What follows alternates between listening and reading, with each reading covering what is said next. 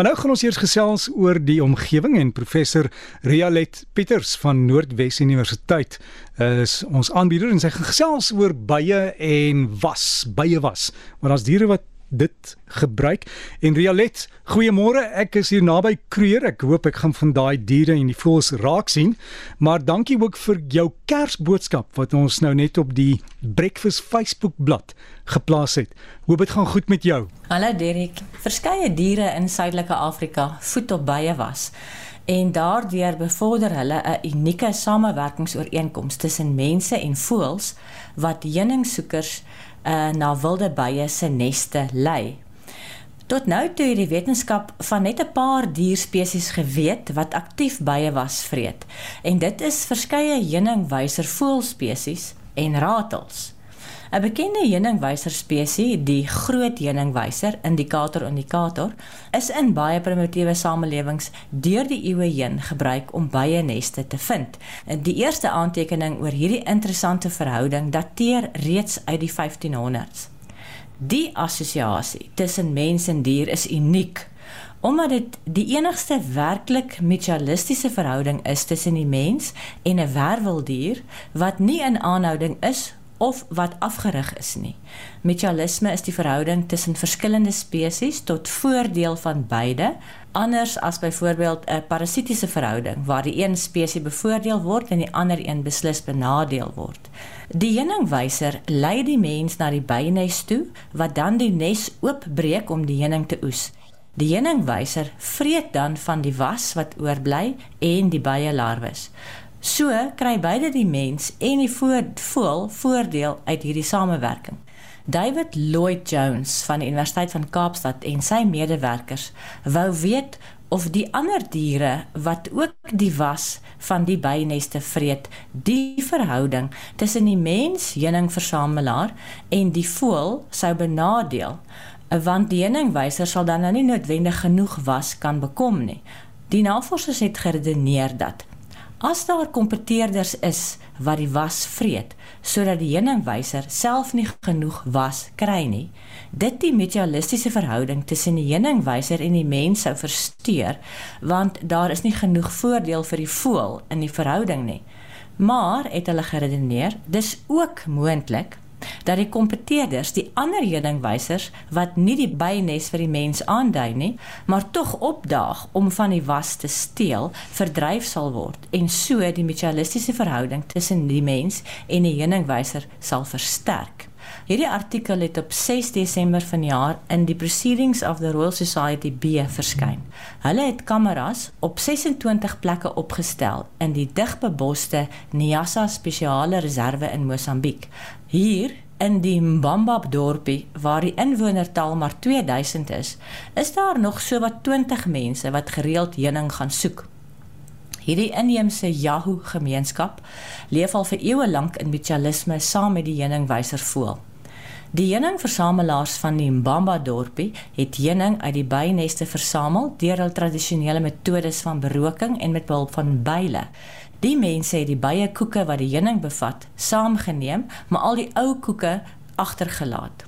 Die navorsers het 9 ander spesies wat op by was leef aangeteken. Ratels, Afrika se wet, twee ander heuningwysers 'n voëlspesies, dit was die klein heuningwyser en die gevlekte heuningwyser wat nie juis 'n spesiale verhouding met die mens het nie. En nog 5 ander diere wat ons nie geweet het ook by was vreet nie. Die geelbobbejaan, dit kom nie in Suid-Afrika voor nie twee muishond spesies, die skraal muishond wat ook nie in Suid-Afrika voorkom nie en Meller se muishond, hy kom wel in Suid-Afrika voor. Die gestreepte eekoringkie en die gekroonde neushoringvoëls. Daarvan sal jy baie in die wildtuin sien.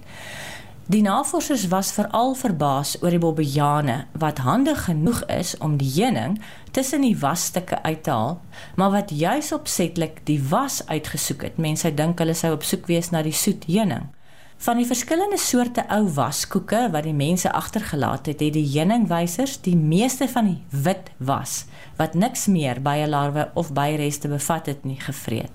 En die drie dierspesies wat al die was opgevreet het en niks daarvan laat oorbly het nie, was die ratel, die geelbobbejaan en die mellermuishond. In die meerderheid van die gevalle het die heuningwyser wat die mens na die bynes gelei het, lank voor die ander potensiële mededingers by die was opgedaag en het dan ook die beste uitsoekstukkies gekies. Hierdie ander dierspesies, na die bobbejaan, die ratel en die civetkat wat dan nou later opgedaag het, het die laatkomer heuningwysers, die wat dieselfde spesies is as indikator indikator, eintlik verjaag. Hulle het dus gehelp om die goeie verhouding tussen die heuningwyser nommer 1, die een wat die werk gedoen het, en die mens te handhaaf en nie te versteur nie. In 'n ander artikel wat in Resonance in 2019 verskyn het, het die skrywer Anandita Badra van die Indiese Instituut van Wetenskap, Opvoedkunde en Navorsing in Kolkata nie net verwys na die Yao gemeenskap van Mosambiek wat nog wilde heuning versamel nie, maar ook verwys na die Hadza van die noorde van Tansanië en die Boran van Kenia. Sy verduidelik dat die mens heuningversamelaars opsetlik 'n sekere soort geluid maak wat deur die heuningwyser herken word en dan kom die voël nader en lei die mens na die bynes. Die verskillende stamme gebruik verskillende geluide, maar die Yao mense van Mosambiek maak so 'n brrr hm, geluid.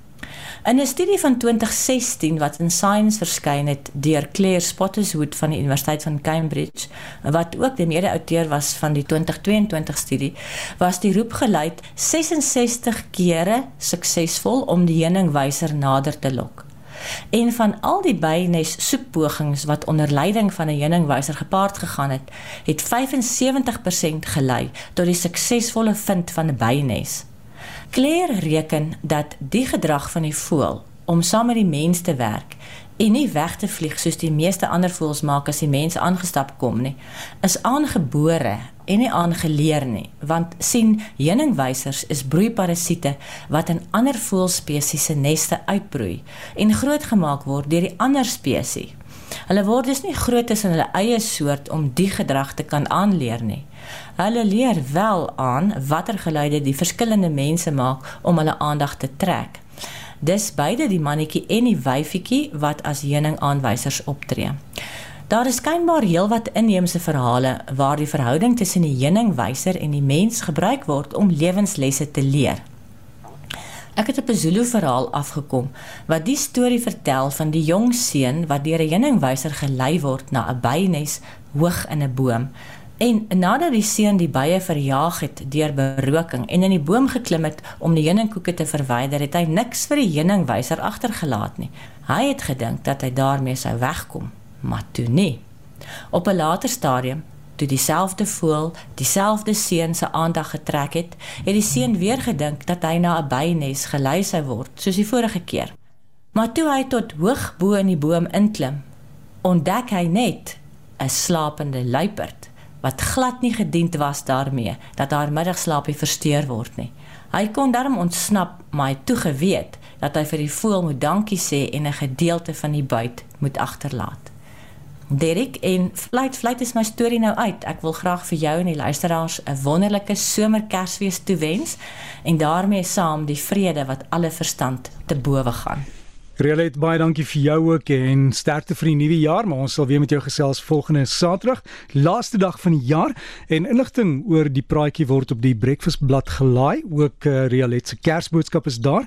Jy kan gaan kyk op die Facebook blad Breakfast en jy kan af en af kontak maak dalk iets waaroor ons in die toekoms kan gesels.